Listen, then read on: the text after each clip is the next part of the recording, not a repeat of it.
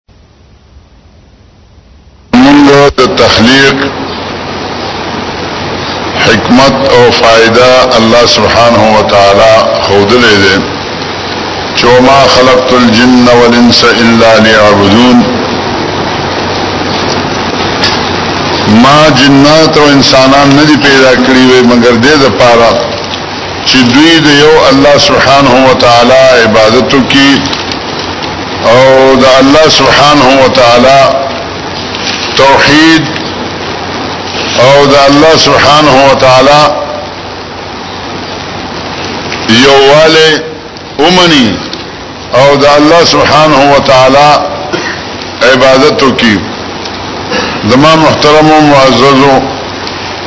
الله سبحانه و تعالی چې په مونږ باندې دا وحدانیت فرض کړی دی او دا وحدانیت په مونږ باندې لازم کړی دی نو د دې د وحدانیت پیجندو د پاره او د وحدانیت په مسائل باندې پویدو د پاره د الله سبحانه و تعالی د بندګي او د هغې د رضا حاصلولو طریقه پیجندو د پاره انساني عقل خوا هغه د زما او ستا عقل وي او د ک انبیاو عقل دا کافی نه د دې وجنه الله سبحانه و تعالی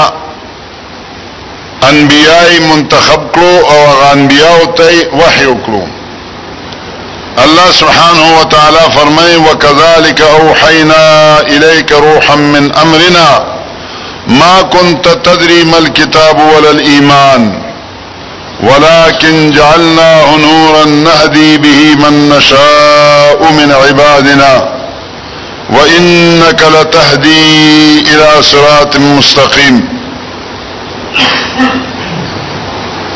لکه مونږ چې مخکې پیغمبرانو ته څنګه وحی کړو دارنګ تا ته مونږ وحی وکړو روحا من امرنا روح د خپل معاملې او د خپل حکمونو نه ما كنت تدري ما الكتاب د دې وحی نه مخکې ته اے محمد رسول الله صلی الله علیه و آله وسلم په دې نه پوهیدې چې کتاب څه شی دی ولل ایمان او نه په دې پوهیدې چې ایمان څه شی دی ولكن جعلناه نورا نهدي به لیکن مونږ د دې وحی نه یو نور جوړ کړو چې په دې سره مونږ هدایت کې او چاته چې مونږ خوښ شي د خپل بندگانو نه او تخامخه صراط مستقیم ته هدایت کوي مقصد او غرض دا درونو چې د رسول الله صلی الله علیه و آله وسلم په عقل او د هغه په سمج باندې کې پریخې وي بیا هم مثلا حل کېدا نو الله سبحانه و تعالی د عبادت طریقه د توحید مسائل باندې پویدل او د شرک په مسائل باندې پویدو د پاره او د الله د بندگی طریقه پیجندو د پاره د الله سبحانه و تعالی د رضا او د رحمت حاصلولو طریقه پیجندو د پاره د الله سبحانه و تعالی غضب او د قهر نه د خلاصېدو طریقه پیجندو د پاره ضروري وو چې یو هدایت د الله سبحانه و تعالی تر طرف نه ملاوي نو هغه هدایت الله سبحانه وتعالی د محمد رسول الله صلی الله علیه و آله وسلم په ذریعہ د قران په حیثیت مونږ ته راولېګلو په دې قران کې الله سبحانه و تعالی مونږ ته فرمایي والعصر زما د قسم وی د وخت مزدیګرې په وخت باندې د مزدیګر وخت شاهد ده په دې خبره باندې چې ان الانسان لفی خسر بشک انسان په خساره کې دی الله سبحانه و تعالی مختلف تاکیدات او حلفیه بیان کړي چې انسان خامخا په تاوان کې دی الا الذين امنوا وعملوا الصالحات مگر هغه انسان د تاوان نه بچ دی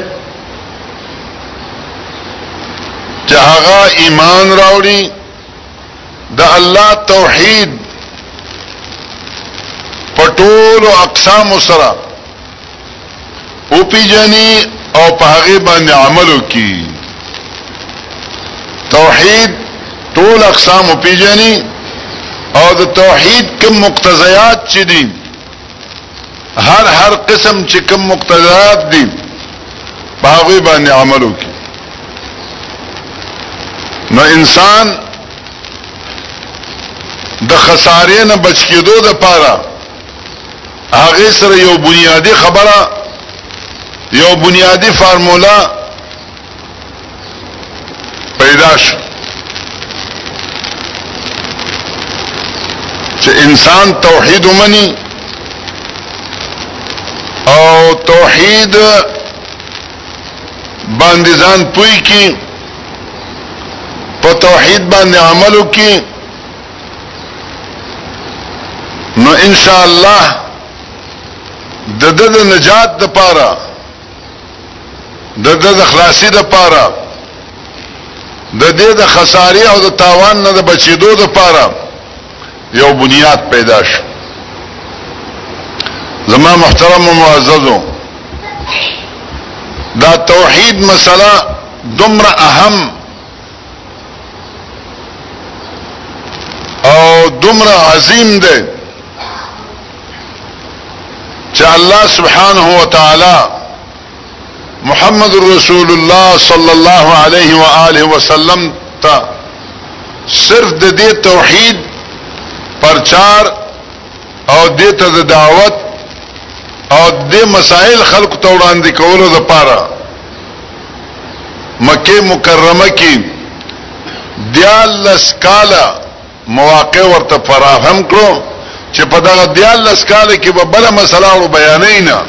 سوا د توحید نه چونکه د مکی مشرکان په دې خبره باندې معترف او اقرار کاو چې د الله سبحانه و تعالی توحید ربوبیت هغه منله چې ولا ان سالتهم من خلق السماوات والارض لا يقولن الله کله دینه ته پوسو کی چې د اسمانونو او زمکو پیدا کون کې څوک دی هغه به خامخا دا اقرار وکړي چې یو الله دی او توحید ربوبیت وی هم دیتا چې د الله سبحانه و تعالی افعال ومني او الله سبحانه و تعالی د هغه خپل افعالو کې واحد لا شریک وګڼي لکه خالقیت شو مالکیت شو رازقیت شو تدبیر شو ملکول او ژوند کول شو دا د الله سبحانه و تعالی افعال دي او دغه افعال منل او په دې کې بل څوک نه شریکول دیتا توحید ربوبیت وي همدارنګه مکه مشرکانو دا الله سبحانه و تعالی توحید فی الاسماء والصفات هم منلو چې دا الله سبحانه و تعالی علو دی په صفاتو کې یو صفت د الله علو ده د الله برواله ده الله او چتواله ده د مکه مشرکانو د الله او چتواله د الله علو منلو ابو حسین عمران رضی الله تعالی عنه هغه وی چې یوارې زه د کفر او د شرک په حالت کې رسول الله صلی الله علیه و آله وسلم خدمت ته حاضر شوم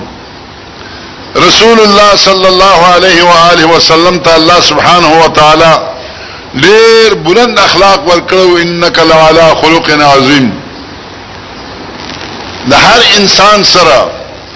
داغه مزاج مطابق هغه به خوشتبی کولو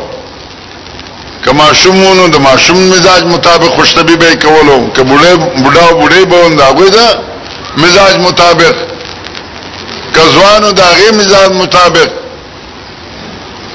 که مؤمنو د هغه د مزاج مطابق که کافرون د هغه مزاج مطابق ابو عمران رضی الله تعالی عنہ فرمای چې ما سره رسول الله صلی الله علیه وسلم زما د کفر په حالت کې مذاق وکړو او عمران وایا کنه څنګه حال ده د څومره الہانو ته عبادت کوي ما ورته عرض کوی چې د الله رسول د وو الہانو ز عبادت کوم رسول الله صلی الله علیه وسلم مسکه شو خوشتبی سره ویل چې وای کنه چرته دی وی دا الہان وای سته فی الارض و واحد فی السماء شپږ چې کوم دینو پزمکه دي او یو په اسمان کې دی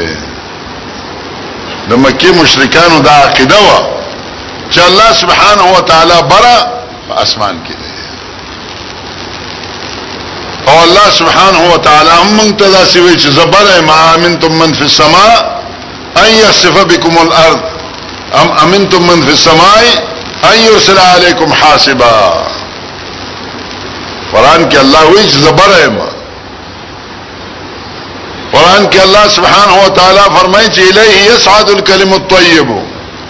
الله ته کوم دینو پاکي پاکي کلمې خيږي والعمل الصالح صالح يرفعه الله سبحانه و تعالی ته نیک اعمال د خپل بندگانو برخيږي که الله بر نه وای نو بر څه کول چې خطر او دا خو مونږ په دې خبره باندې خو عامي سړی هم په پوهېږي چې الله سبحانه وتعالی محمد رسول الله صلی الله علیه و آله وسلم د معراج د پاره بره وغوښتو که الله بره نه وي نو بره به معراج څه کو معراج د عروج نه د عروج وکیږي خطو ته او همدارنګه موږ چې الله دا قران نازل کړی دی نزول وکیږي د برنه کته راتلو تا یعنی د برنه کته را لګلې دی نو بهر حال ما دا عرض کاو هغه ورته وی چې څومره الهان دی او زما ودی خو یومي پاسمان کې دی او شپږ مکه کې دی رسول الله صلی الله علیه وسلم بیا مسکه شو ورته ویل چې ښه وایا کنه ابو عمران چې ته ټول نه نا امید شي یو حاجت دی دی حاجت دې تم پیش کې دې تم پیش کې دې بل تم پیش کې دې بل تم پیش کې دې تم پیش کې هغه تم پیش کې او ته نا امید شي حاجت دې نه پوره کیږي نو آخري امید د چا پورې تړل شي هغه ویل چې الله دې په سما په هغه الٰه پورې چې هغه په اسمان کې دی نو مقصد او غرض دا دی چې هغه د الله دا توحید چې په اسماء او صفات د الله صفاتونه منل دا هغه منلو که تاسو خیال رسول الله صلی الله علیه و آله وسلم ته یو صحابي او جنې راوسته ویل زه غواړم چې د آزاد کم رسول الله صلی الله علیه وسلم دا غینه ته پوښ کئ چې عین الله الله چرته ده هغه په سما بیا ورنه ته پوښ کئ چې من انا زه څوک يم قال انت قالت انت رسول الله هغه ته دا الله رسولي رسول الله صلی الله علیه وسلم د دې د ایمان گواہی کوي د هغه خزي د هغه جنې د ایمان گواہی کوي چې هغه ویل چې الله په اسمان کې بره دی او نن سبا زمون استادان زمون مشران هغه هغه معتبر معتبر کتابونو کې دا لیکلي دي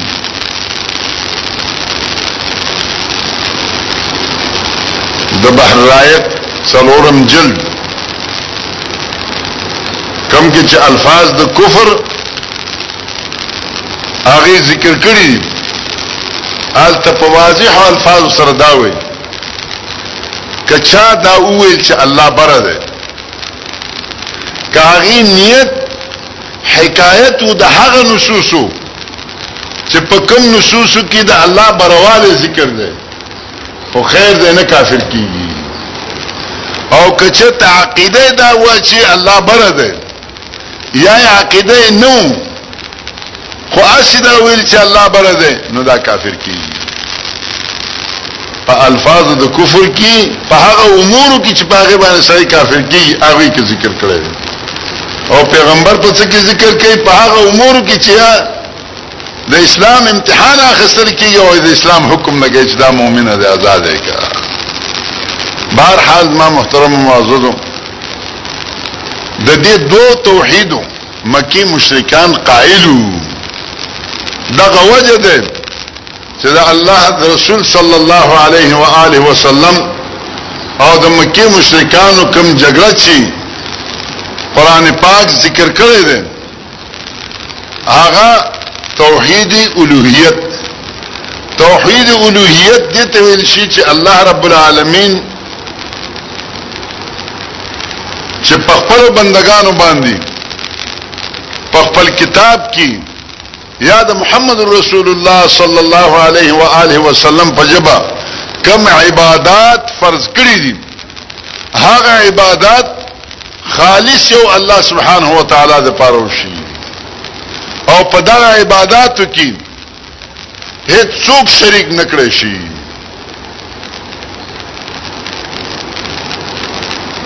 هغه عبادت کوم ډیر یو وسه مفهوم دی چې پاغي کې ندا غیر الله هم چې کوم نه ناراضي هغه کې زوح لغیر الله هم پکې راضي هغه کې نظر لغیر الله په کې راځي هغه کې رکوع سجده په کې راځي هغه کې قیام هم راځي دا هر څه پدې عبادت کې شامل دي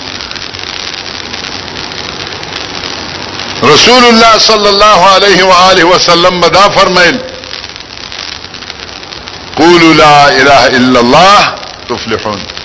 اے خلق تاسو لا الہ الا الله وای یعنی لا الہ الا الله په اقتضا باندې عمل کوي او عقیده او ساتي چې دا لا الہ الا الله تاسو نه څه غواړي هغه ومني هغه باندې عقیده او ساتي نو هغه بداویل چې اجال الالهه اله واحده ان هاذا لشیء او جا مون خود خپل حاجت روايي د پاره مشکل کشای د پاره په خانه کعبه کې صرف درې سوه بوتان درې سوه شپېته بوتانو درولي دي د هر یو نه ځان له ځان له ورځې مطالب ته غواړو احتیاجات غواړو دې دپاره چې روز روز یو نه غوښتو کې هغه بور نشو استومان نشي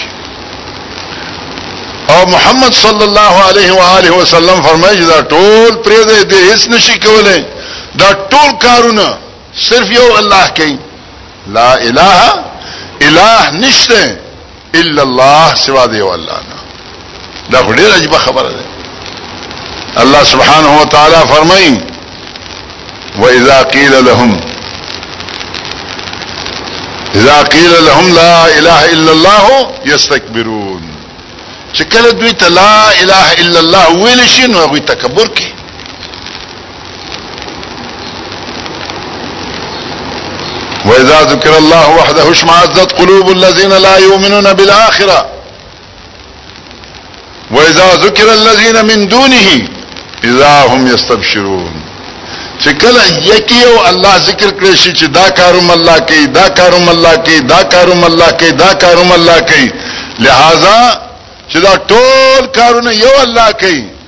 نو د عبادت مستحق مغه ده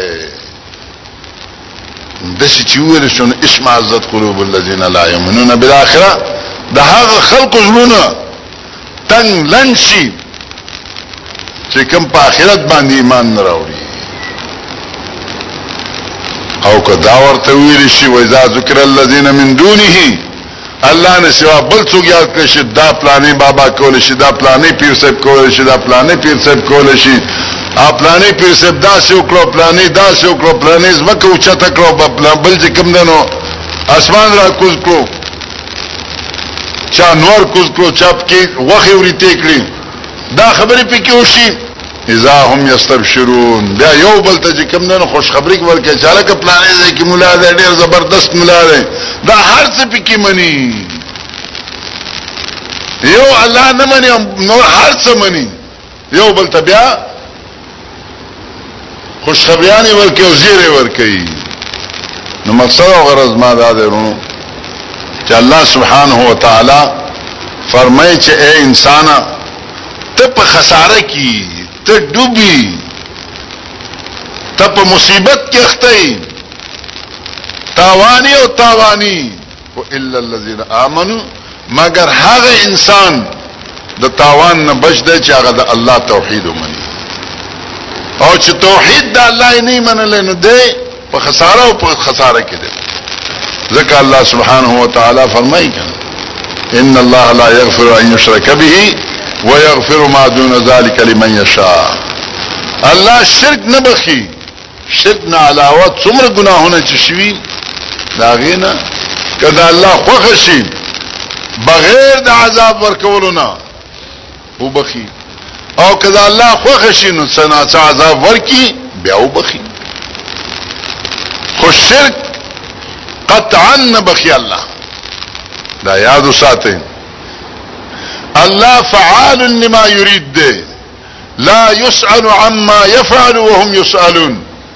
د الله په صفاتو کې او صفت دا هم دی چې فعال لما يريد څه چې خوښ شي څرنګ چې خوښ شي چا سره چې خوښ شي څه وخت چې خوښ شي نو هغه کولای شي ته مطلب که یو مشرک الله سبحانه و تعالی او بخو جنت ته بوزي کولای شي او کنه شي کولای فعال لما يريد دی لا يسأل عما يفعلهم يسألون داغي په صفات کې او صفات دام دي چې الله چې څه کوي داغي ته پوښتنه نشي کوله لا معقب لحكمه دا الله د فیصلو څوک تعقیب نشي کوله لا يخاف عقباها الله سبحانه وتعالی د خپل فیصله د خپل قضا د انجام نه یریږي نه د دې وجنه الله سبحانه وتعالی کې یو مشرک وبخي څوک ته پوس نشي کولای خو دومره خبره ده چې د الله قانون نه ده الله قانون نه ده چې مشرک وبخي لہذا زما ورونو الله سبحانه و تعالی دومره بد غني دا دا شرک چې څومره انبیای کرام چې الله منتخب کړی دي الله غوړه کړی دي خپل رسالت د پاره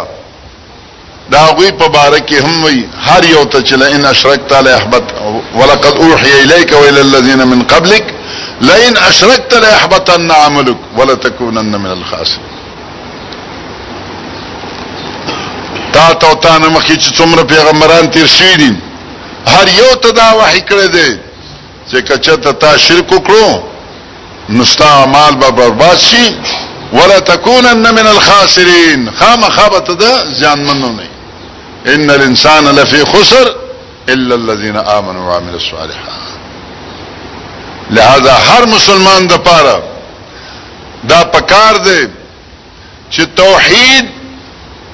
تفصیلی طور باندې وپیژني چې توحید وایي څه ته او شرک هم چې کوم نه تفصیلی طور باندې وپیژني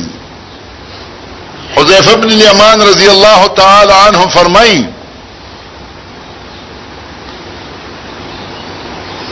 چې صحابه با مختلفو چیزونو په باره کې تپوسونه کول او ما با رسول الله صلی الله علیه وسلم همیش د شرط تپوس کوو ما به همیشه د شرط تپوس به مې کولو ولی مخافت ان یدرکنی د دې ویره نه چې چرته دا شرط ما اونمومي زه په شر کې اخته نشم لہذا از مارونو د شرک او د بدعاتو تفسیری طور باندې په هغه باندې ځان پیول پکار دی چې چرته په شرک او بدعاتو کې اخته نشو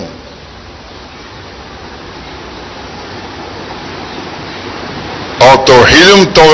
تفسیری طور باندې پیجندل پکار دی دا سنه چې چرته د توحید نه وانه وړو توحید کې نقصان پیدا نکو ځکه چې توحید کې نقصان او په شرک شرک کې اخته کېدل دا خساره او خساره ده دا خساره او خساره ده والله حلفیه بیان کوي چې ان الانسان لفی خسر انسان په خساره کې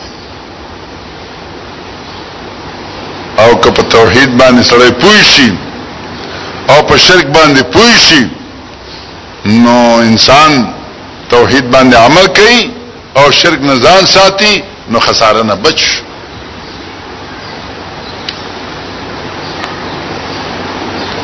او دې خبرې لپاره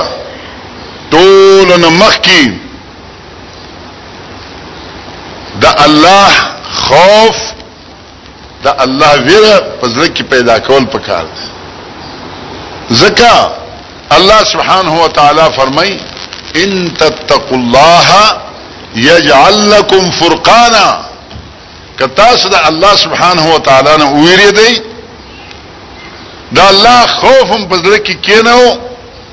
الله درته یاد وی نو الله سبحانه و تعالی به ستا په زړه کې ستا په دماغ کې ستا په عقل کې داس یو ملکا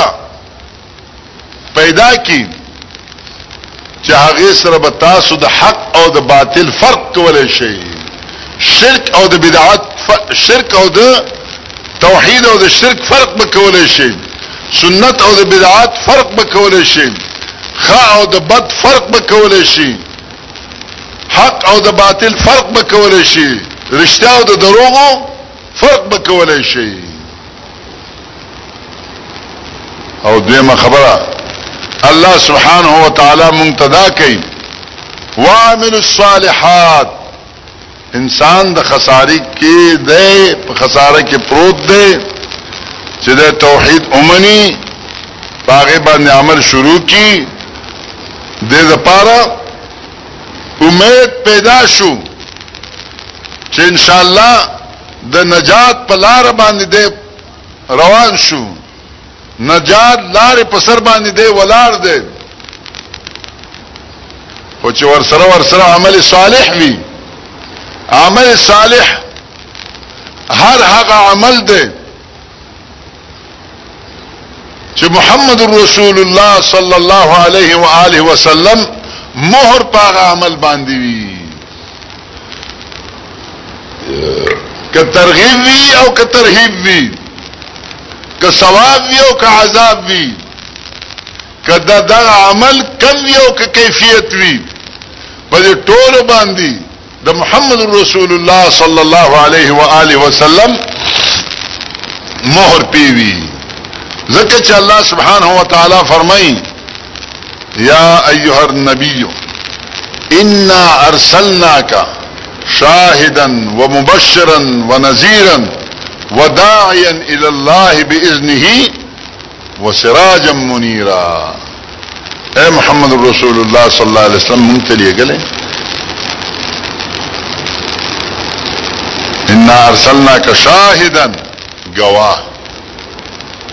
په هر عمل باندې چې د هغې جواز او د هغې کولو د هغې باندې ثواب مرتب کېدو بیان وي چې هغې کې ستا ګواهي موجود وي چې تا دا ویلي چې دا جایز دی دا کار به دسی کوي په دې طریقې به کوي دومره به کوي په دې وخت به کوي دې د پاره دومره ثواب دی ونذيرا او تم نذير لګلې چې د یو شی په حرمت باندې چې دا حرام دی دا بنه کوي او د دې په کولو کې دومره عذاب دی وداعيا الى الله او مونږ ته لېږلی دعوت ورکوونکی الله سبحانه وتعالی ته وسراجا منیرا بلیدن کی زلیدن کی روخانا دیوه ته مونږ ګرځولای چا چې د تان تا د تالره مشعل راه وګرځولو چا چې ستا د رڼا نه اقتباس وکړو څوک چې تا لره د لارې رڼا جوړ کړي نو هغه انسان کامیاب دی ذکر رسول الله صلی الله علیه وسلم فرمایي من عمل عملا ليس فيه امرنا فهو رد چا چې یو کار وکړو چې هر کار وی عاملا عملا تنکیر د پاره د تعمیم چا چې دسی عمل وکړو چې په هغه کې رسول الله صلی الله علیه وسلم فرمایي چې زمون حکم موجود نوي زمون امر پکې موجود نوي زمون طریقه پکې موجود نوي زمون بیان د کیف او د کم موجود نوي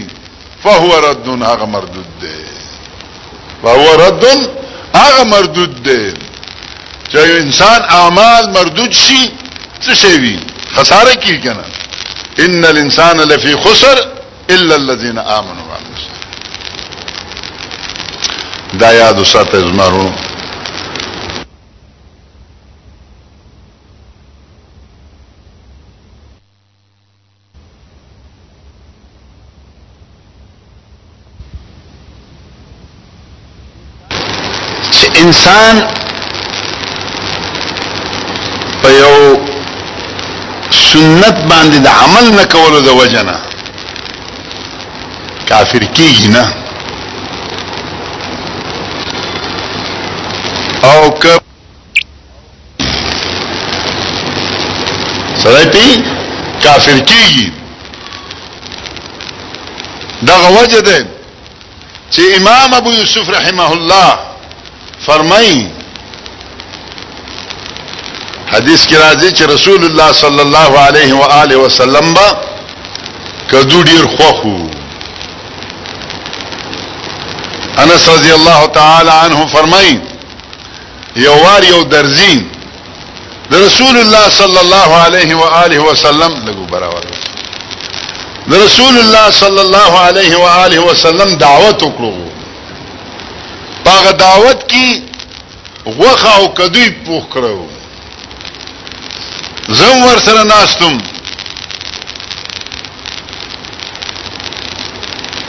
درځي ډوډۍ کې خود ورته او خپل درځي توپ باندې شروع شو خپل کپڑے ګندلې او رسول الله صلی الله علیه وسلم او زه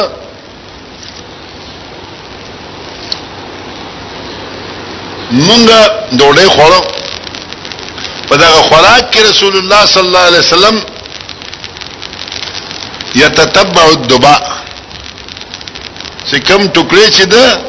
کدونو هغه سم دا کوله غوخه به پر خودو هغه ټوکړې ده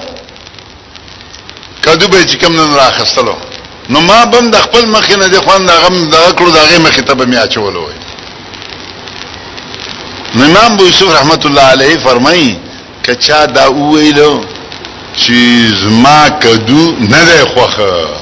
یو کس ویل چې رسول الله صلی الله علیه وسلم کدو خوخو هغه ویل چې زما نه دی خوخ وای کفر وای دا سره کافر شو الکه کدو خوراک نه خوراک باندې ایمان نشته ایمان څه زیاتېږي کمیږي نه کدی کدو دی خو ایمان دې څه شو کدی دی نه خو ایمان دې کم شو خو نه تا ته دا ویل شي چې پیغمبر کدو خو خو ته وې چې ما نه دی خو گویا کې یو قسم ته مقابله شو چې د پیغمبر محبوب شي زما نه دی محبوب زما بدی شي نو امام ابو یوسف ذکر داسي وایي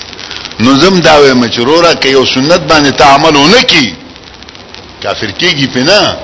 زیات نه زیات دا به چې دا مونږ وکړو خو مونږ وشو خو خلاف سنت شو دا حج وکړو خو حج وشو خو خلاف سنت شو دا پلانې کار وکړو خو دا شی وشو خو خلاف سنت شو یعنی هغه کامل مکمل ثواب ورته ملاو نشو او که استهدا ور پوریو کی ټوک او مسخره ور پوریو کی لکه ډیر خلک داسي یو ځای کې یو وخت کې ده د دارلوم سرحد کې او زمونږ قومي دوره کولو زمال تورالم جمعه ورځو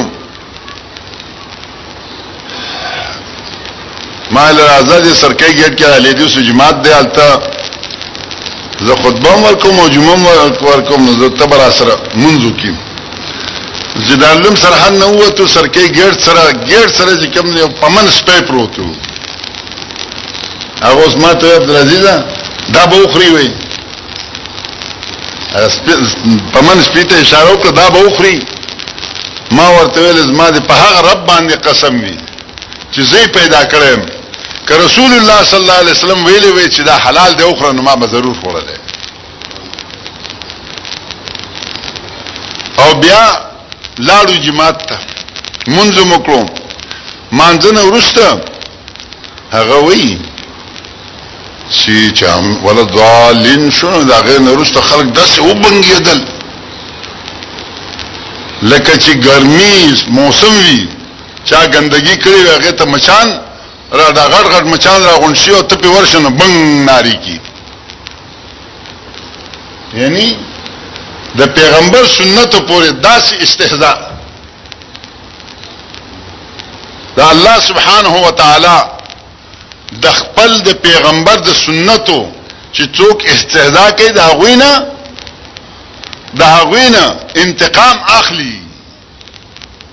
دوه میاشتې دې نو تیر شي چې خبر شو چې خزه چاو تختوله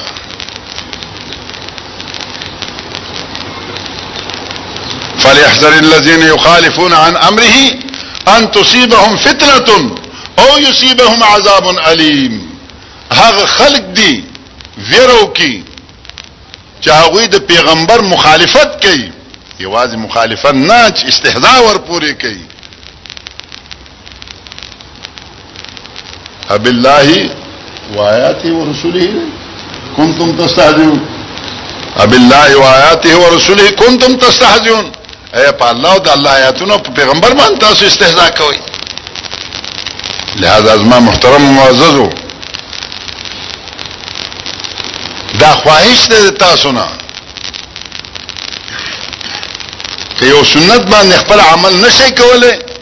استهدا ور پورې مکوي د محمد رسول الله صلی الله علیه و آله وسلم ګیره پر خودل سنت ده که یو سره ګیره نه پریږدي هغه ته کافر نه وایو الله به توفیق ورکړي او که خپل ګیرم نه پریږدي او بل پورې د بل ګیره پورې استهزاء کوي زمارونو دادا کفر خبرې دي او بل دا خبره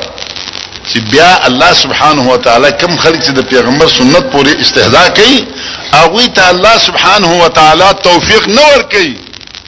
چې په ټول عمر په سنت باندې عمل وکړي ما کس زمون په کلی کې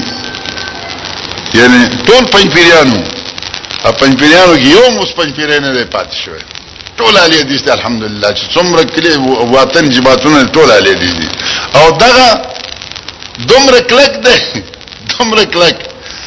چې یوار راغې ما ته ویل فتوا ابن تیمیه را لواخله ما ورته ویل چې روره د شکار دی دا فتاو کې ارڅوي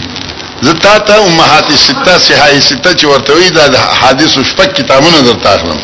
خو هغه سیای ستا خستو ته تیار نشو او الحمدلله اوسم په ټول کې کې داس یو ورکه ماشوم نو خلق د دین مسان مسلې ته پوس کوي او هغه نه څوکم ته پوس نه کوي او خلق د مليانو په زمره کې او شماري نه نو دا عقوبت عاجله دي ته ویل کیږي چې الله سبحانه و تعالی د خپل د پیغمبر په سنت باندې استهزاء د وجنه دنیا کې عذاب ولا ور کوي نو ما محترم معززو الله فرمای ان الانسان لفی خسر انسان په خساره کې الا الذين امنوا وعملوا الصالحات هغه انسان د خساره نه خلاصي چې هغه د الله توحید بیا اقسامها اومني وعمل الصالحات عمل نیکو کې د محمد رسول الله صلی الله علیه و آله وسلم هدایت مطابق او کم عمل چې د محمد رسول الله صلی الله علیه و آله وسلم د هدایت مطابق نه نو رورا تا ته هر څومره نیک ښکاری نو هغه نیک عمل نه دی ولی رسول الله صلی الله علیه وسلم فرمای کم من قائم ليس من قيامه الا السحر ډیر تهجد گزار دي ډیر مون گزار دي دا غوی د مانځنه هیڅ نه حاصلېږي سوا د ستومانی او د بیخوبی نه ځکه یو مثال په توګه درته وایم د مونږ ابتدا کوي په بدعاتو کټول مونږ کې لګیاوی په بدعاتو او که مونږ انتهاو شي په بدعاتو مثلا دا زمون فقهام دا سی وي د فقه هر یو کتاب را واخلي هغه کې بدالي کلی چې نیت څه شه ده دا فعل القلب ده نیت اراده القلب ده نیت څه ته ویل کیږي اراده د زړه ته نیت فعل د قلب ده او مونږ بلګیایو نیت میکړه زړه د خلاص او پلان او ډینګله او د امام شاغه امام سدی جماعت کې هغه جماعت کې وشه دا بلګیایو حالان کې یعنی زمون فقها فقه حنفی کې دا مسله واضحه ده چې رسول الله صلی الله علیه و آله وسلم زبانی نیت نه دی کړی وای کې زبانی نیت کوله بدعت او دا زندان زنوې ما مولا علی قاری صاحب وغیرہ وغیرہ دا زموږ احناف حضرات په دې باندې صراحت کړی دی چې دا شی بدعت دی نو چې ابتدا په بدعت باندې وشو او بیا په دې مینز مینز کې چې کم ادعیه وایي او یا چې کم د رکوع سجده چې څنګه کړه خو پرې ده چې سلام ګرځي هغه هم په بدعت باندې رسول الله صلی الله علیه و آله وسلم سلام نه پس خودري چې فورا به الله اکبر وي السلام علیکم ورحمت الله السلام علیکم ورحمت الله الله اکبر استغفر الله استغفر الله استغفر الله اللهم انت السلام انت السلام او زمون خلق سوي امیان نو میان چې لګ نه پوي دی او خدای چې څنګه سلام وګرځنه بسم الله الرحمن الرحیم څه وایو او چې کوم لک پوي پوي غوندې دي هغه وي وقر رب اغفر وارحم وانت خير الراحمين د سی اوایا وي بل ته دا څوک چې دی هغه ته چې ته د سی وای چې وقر رب اغفر وارحم وانت خير زه خو نه وایم یعنی دا څه خبرې نو الکه پیغمبر سنت چې هر یو بدعت چې تو شروع کی داغه مقابل کې به یو سنت ختميږي سنت دا و چې الله اکبر استغفر الله استغفر الله الله من تسلم من کسلام دې او تا د دې سنت په ځای دې څه ویلو بسم الله الرحمن الرحیم یا چې کوم دې وقر رب اغفر وارحم وانت خیر الراحمین نورونو دا ټکی ډیر ښه دی بسم الله خو څه شی دی ستاسو کې خیال وي امام ترمذی رحمه الله دا خبره ذکر کړل چې یو سلو څوارلس آیاتونه د قران پاک دي د هر آیات په سر کې بسم الله لیکل دی شته یو کنه او چې سوره توبه ګورو نه کې بسم الله نشته عثمان رضی الله تعالی عنہ چې کله د قران پاک د مصاحف ترتیب ورکړ دا اوس کوم ترتیب ده دا ترتیب عثماني دی جامع ابوبکر او عمر رضی الله تعالی عنهما دي او مرتب ترتیب چې ور کړی دی دا عثمان رضی الله تعالی عنہ ور کړی چا ورنه ته پوسو کړو چې عثمان دا څنګه چل دی چې ټول سوراتونو د سر په سر کې بسم الله اشته او سوره توبه کې نشته ویل اوراره خبره ده څه ده چې رسول الله صلی الله علیه وسلم باندې بچ کله یو آیات نازل شو یو سورت نازل شو هغه به ویلو چې دا صورت دا آیات پلانې صورت سره لګوي دا صورت چې کوم نه پلانې صورت نمخ کې پلانې صورت نورسته لګوي اما سوره توبه کې دا خبره مونږ ته نه ده کړې چې دې ځای کې تاسو بسم الله ولیکئ لہذا چې رسول الله صلی الله علیه وسلم یو شی ثابت نه نو مونږ کول نه غواړو نو بسم الله په ډیر خبره نو عثمان رضی الله تعالی عنہ ولونه لیکلو ګناګارې ده په بسم الله لیکلو باندې او نه اتباع رسول الله صلی الله علیه وسلم دا ورته معلومه نه ونه لہذا غیمونه لیکلو دارنګ دا عبد الله ابن عمر رضی الله تعالی عنہ یو واقعا ده چې سنت طریقه ده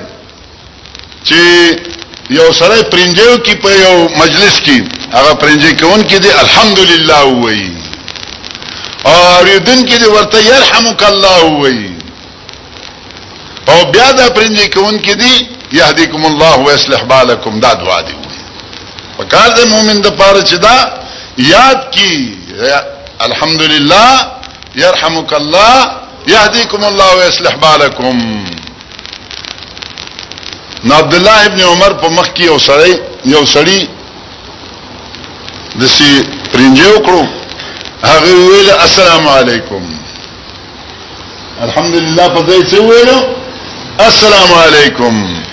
عبد الله ابن عمر ورته ویل چې وعلى امك السلام ستا په مور دي سلام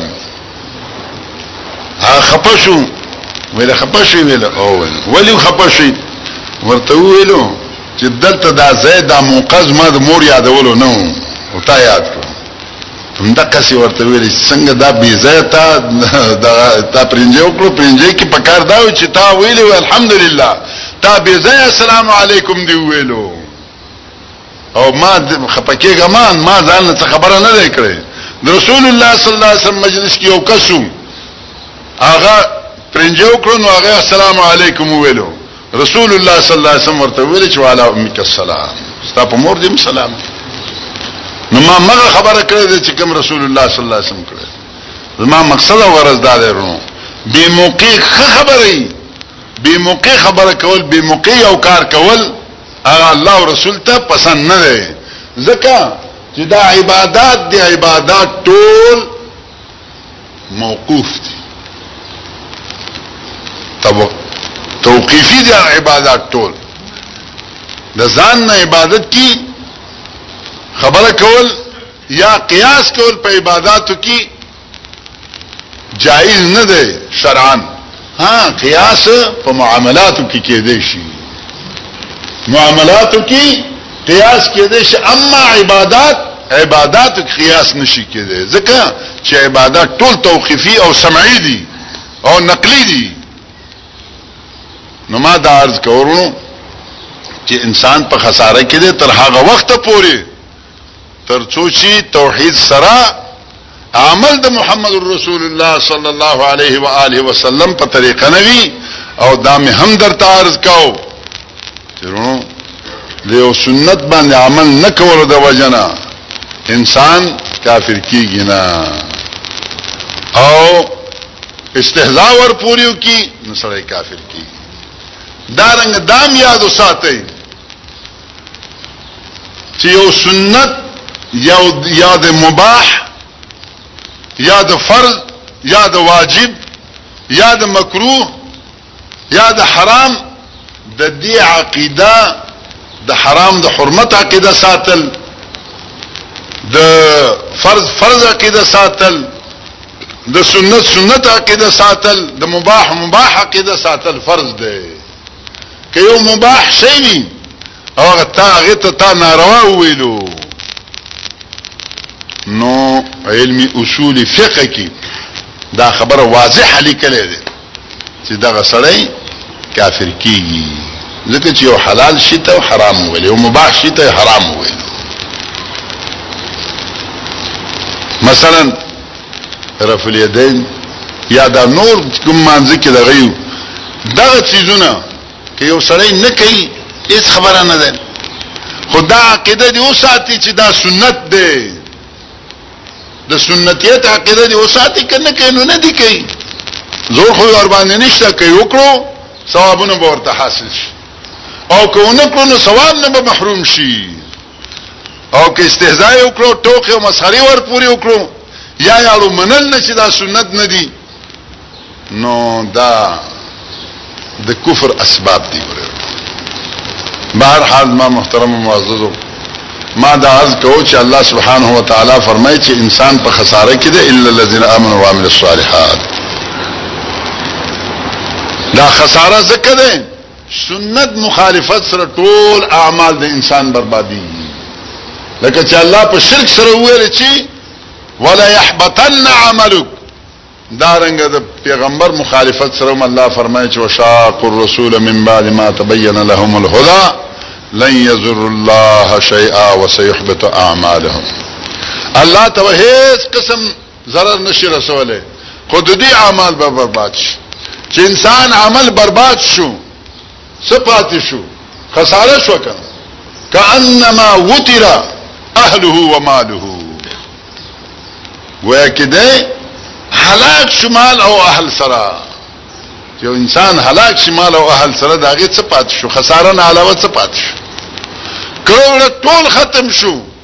خو خساره دیوالیه شو کاروبار ټول ختم شو بیا الله سبحانه و تعالی فرمایي چې انسان ته توحید ومنلو او سنت مطابق د عمل وکړو نو بیا دریمه درجه دا ده چې ته به د دې دعوت ورکې خلکو ته د دې پرچار بکې د دې تبلیغ بکې ځکه چې دا تبلیغ په با تا باندې فرض دی کم عقیده چې ته ساتي کم عمل چې ته کوي هغه عقیده ته او هغه عمل ته چې ته حق ورته وي او تا ته حق معلوم شوی دي او واقع حق دی هم نو الله فرمایي چې وتواصوا بالحق د دغه حق چې تا منلې دي د دغه حق چې ته په عمل کوي د حق ته خلق را بلا او د دې حق پرچار کوه او کدی ونکړو الله سبحانه و تعالی فرمای بلغ ما انزل الیک من ربک فإن لم تفعل فما بلغت رسالته څه شي چې د الله تعالی د طرف نه تا تنازلی کی داغه تبلیغ وکړه کدی ونکړو نو گویا کې تاړو رسالت رسولای نه ده لازمی خبره د ایمان او عمل سره د دغه ایمان او د عمل دعوت او د دې تبلیغ کول او د دې نشر اشاعت کول دی او کتا توحید ومنلو عمل دی په وکړو سنت دی ومنلو په سنت مطابق عمل دی وکړو خو دې دواړو ته څوک دعوت کوي نه د دې دواړو پرچار نه کوي د دې لپاره سرخوږی نه کوي نو بیا هم ته په خساره کی بیا هم ته په خساره کی تا ته پته ده چې الله سبحانه و تعالی هغه قوم چې هغوی توحید هم منلو سنت هم منلو او د دې توحید او سنت پرچار کو هغه ته الله څه ویل او انی فضلتکم علی العالمین ما تاسو د زماني مخلوق باندې غوړه کړی او چې کله دوی دا توحید پرې خودو سنت پرې خودو او دعوت الى الحق پرې خودو نو الله سبحانه و تعالی مغضوب علیهم او ضالین وګرځول اغوین وجعلنا منهم القردة والخنازير وعبد الطاغوت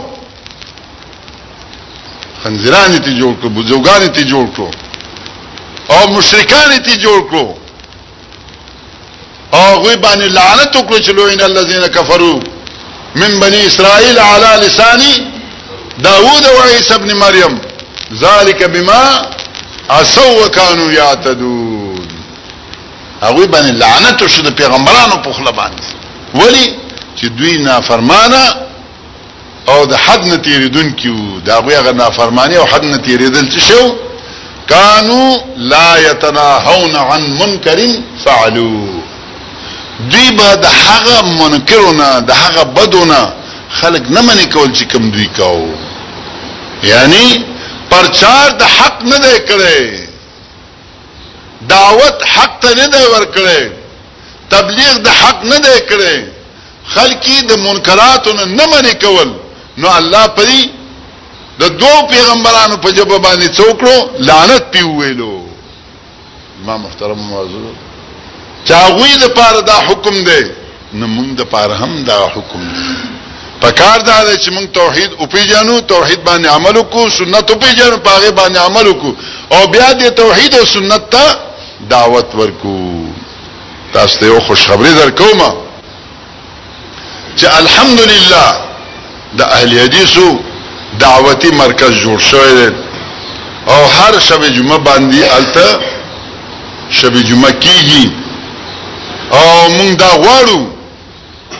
چې داسې یو جماعت لکه چې الله فرمایي ولتکم منکم امه يدعون الى الخير یامرون بالمعروف وینهون عن المنکر تاسو کې دی وډله داسي وي چې هغه يدعون الى الخير خير ترابلي خير څه شه ده الله الله هو خير وابقى الله خير ده الله رسول خير ده وحي خير ده رسول الله صلی الله علیه وسلم خیر دی آخرت خیر دی د خیر ترابلن کې او ډله دي جوړ شي هغه امر بالمعروف نهي عن المنکر کې الحمدلله تبلیغی جماعت او د تبلیغ مرکز الجامعه الاثریه کې د اهل حدیث جوړ شوی دی هر جمعې شپه باندې مشایخ راځي مخکې جمعې په شپه باندې شیخ امین صاحب په دې شپه باندې چې کوم دی شیخ عبدالسلام صاحب مخکې جمعې له به ان شاء الله امید ده چې شیخ غلام الله صاحب کې راشي نو تاسو دا خوش خبرې هم درکو چې دا تبلیغ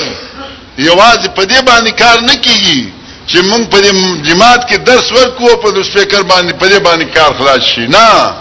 الله پاک وی چې اذهب الى فرعون اذهبا الى فرعون اذهبا الى القوم الذين كذبوا بآياتنا رسول الله صلی الله علیه وسلم با خیمه خیمه ودریدو چې یوهناس قول لا اله الا الله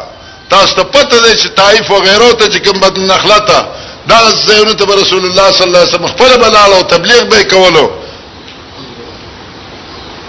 الله پاک مونږ ته وایي چې فردن فردن ورځي کوي کلی کلی ته ورشي ځکه چې هر فرد خو تا ته نشي راتلی ستا دې نو سپیکر ته خو نشي راتلی ستا درس ته خو نشي راتلی خو ته ورشه ورته اذهب لاړ کله چې تلار شي تبلیغ شروع کی او که صرف دا وی چې دا کار کوو دې کې ثواب دې دې کې ثواب دې دې کې هیڅ څوک درته سنه وی ګوره او که وی چې لکه دا غلط دی او دا صحیح دی لکه چې وی لا اله الا الله نور الہان نشته او یو الله دی ګوره نفي وکړو د نور الوهیت د نور الهانو الله له ثابت کړو فمن یکفر بالطاغوت ويؤمن بالله په طاغوت باندې کفر کی او په الله باندې ایمان راوړي کې اوسه ټول عمر وای چې الله واحد لا شریک دی الله الله الله خو د غیر الله نفي نه کوي د غیر الله نفي نه کوي نو دا الله الله ویل او دا الله یادول دا ورته کار نه ور کوي وره ځکه الله فرمایي چې ان اعبدوا الله واجتنبوا الطاغوت یوازې ان اعبدوا الله نه وایي واعبدوا الله ولا تشركوا به شيئا یعنی نفع او اثبات به نو چې تا کله دا نفع او اثبات دی کړو چې کوم شي ته دعوت ورکړي داغي خوبي دی بیان کړو د کوم شي نه چې منې کوي داغي بدی دی بیان کړو نو خلق بدی دشمنان کیږي خلق بدرته مصیبتونه او تکلیفونه رسي وتواصوا بالصبر بیا په کار دا دی چې ته تواصي بالصبر کې خپلم صبر کې او بل تم چې کوم د صبر تلقین کې زما محترم معززو ډېر موږ د سیمرګری دي چې هغوی ښه ورته سنت معلوم وي او ښه زړه کې خارښتېږي چې په دې سنتو باندې عمل وکړم لیکن یا امام دی یا خطیب دی چرته یا کوم مدرسه کې مدرس دی خو بس دا کار ځکه نشي کولی چې کوو کې امامت نه شړي کوو کې د تدریس نه شړي کوو کې نو خطابت نه شړي نه ځکه الله سبحانه و تعالی فرمایي چې دام خساره دی ګوره ولی ومن الناس من يعبد الله على حرف فإن أصابه خير اطمأن به وإن أصابته فترة انقلب على وجهه خسر الدنيا والآخرة ذلك هو الخسران المبين الله سبحانه وتعالى دې موږ ته د عمل کولو توفیق راکړي ربنا لا تزغ قلوبنا بعد إذ هديتنا وهب لنا من لدنك رحمة إنك أنت الوهاب سبحان ربك رب العزة عما يصفون وسلام على المرسلين والحمد لله رب العالمين